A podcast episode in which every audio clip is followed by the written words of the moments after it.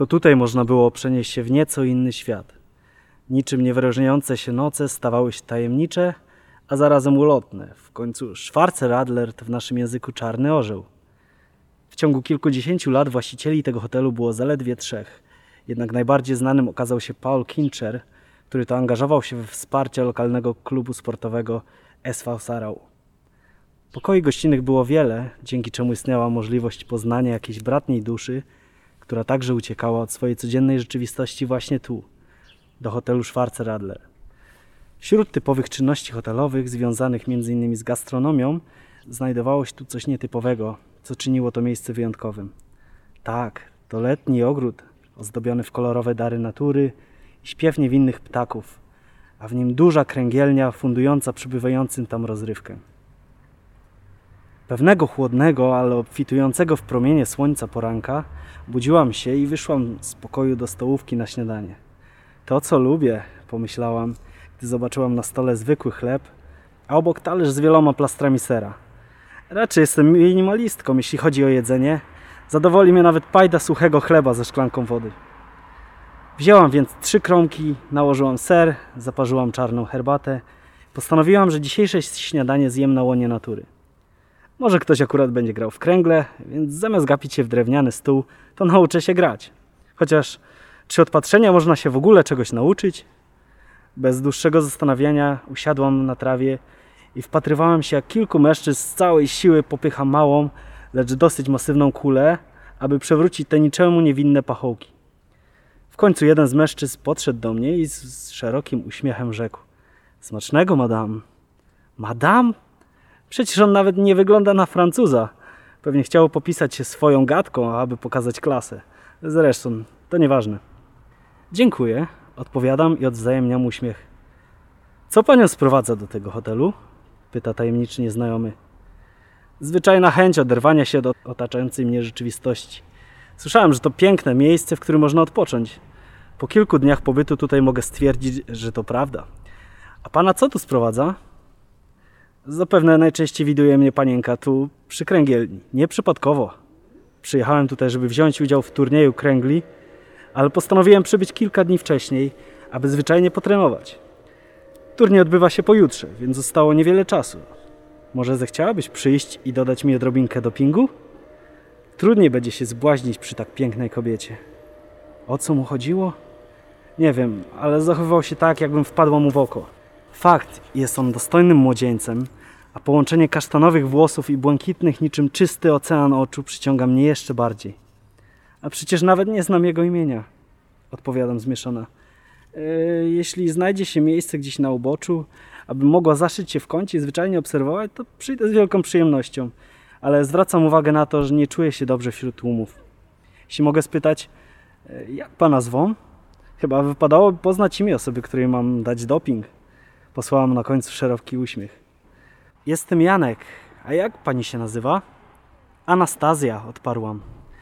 Zatem Anastazjo, czy chciałabyś może wybrać się dziś wieczorem na spacer po okolicy? Zmieszałam się lekko. Oczy Janko nie śmielały mnie, a gdy się uśmiechał, to czułam w sercu ciepło. Nie rozumiałam dlaczego, przecież go nie znałam. Z chęcią chciałabym także zwiedzić okolice, rzekłam. Rozmowa nasza dobiegła końca, a ja pod wpływem emocji, których nie chciałam uzewnętrzniać, zapomniałam, że mam na talerzu jeszcze jedną kanapkę z serem. Zjadłam ją i wróciłam do pokoju. Zastanawiałem się, co przywdzieć na siebie i jak ułożyć włosy. Typowa kobieta przed randką. Zdecydowałem się ubrać długą czarną spódnicę i białą bluzkę przeozdobioną w malutkie kwiatuszki, zaś włosy splotłam w długi warkocz. Wieczorem stanęłam przed hotelem i oczekiwałam Janko. O dziwo, nie spóźnił się i wręczył mi piękną różę. Zaskoczył mnie i sprawił, że zaczęłam patrzeć na niego z jeszcze większym podziwem, który w dalszym ciągu starałam się przed nim ukryć. E, dokąd pójdziemy? zapytałam. Może nad staw? To także wspaniałe miejsce, zaproponował. Dobrze, bylebyśmy nie skończyli spaceru przy stacji paliw, zaśmiałam się. Stacja paliw stała tuż przy hotelu. Była to stacja należąca do sieci bałtycko-amerykańskiej spółki importu paliw. Niby zwykła stacja w jeszcze zwyklejszym mieście, jednak to, do kogo należała, czyniło ją miejscem także wyjątkowym. Często budził mnie ryk silników samochodowych, które ktoś przyjechał zasilić w potrzebne paliwo. Zastanawiałem się wówczas, dlaczego ludzie nie mogą chodzić pieszo w pobliskie miejsca, a zapewne gdybym sama posiadała samochód, prawo jazdy, robiłabym to samo co oni. Dotarliśmy z Jankiem nad staw i usiedliśmy na kamiennej tamie.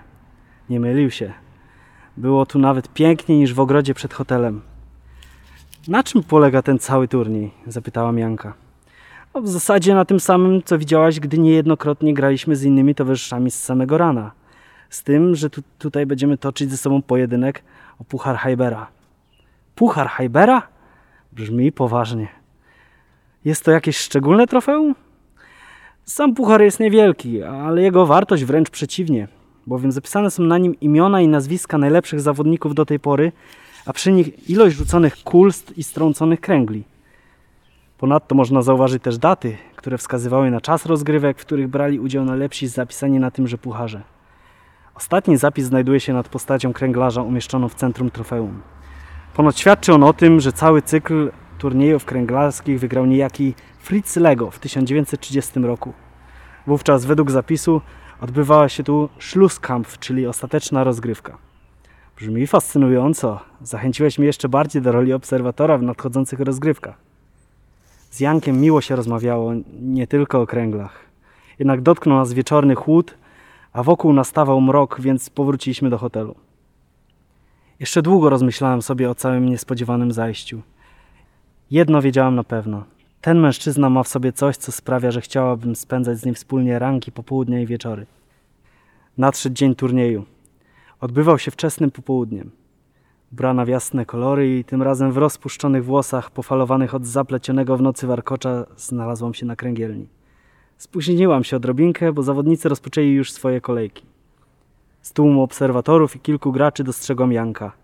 Pomachałam mu i uśmiechnęłam się, a moje oczy krzyczały Jestem z tobą, wierzę w ciebie. Turniej dobiegł końca, jednak puchar trafił w ręce innego mężczyzny, z czego Janek nie był zadowolony. Widziałam w jego oczach coś jakby poczucie wstydu przede mną. Nie martw się, nie zawsze człowiek wygrywa. A może w przyszłości wymyślą puchar, który będzie wart jeszcze więcej i jego zdobywcą będziesz właśnie ty? Złapałam go za rękę. Wiesz, może i nie wygrałem, może i obok nosa przeszedł mi wartościowy puchar. Straciłem kilka punktów, ale to tylko gra, której jestem bytem zmaterializowanym. Za to wygrałem coś innego. Coś, co jest warte zachodu i cieszy mnie bardziej niż jakiś marny kielich wielkości szklanki, który kurzyłby się na półce. Głos Janka był pełen emocji. Widziałam w jego oczach powagę i zarazem błysk, który odebrałem jako sygnał szczerości. Więc co takiego wygrałeś? zapytałam. Twój uśmiech, Anastazjo.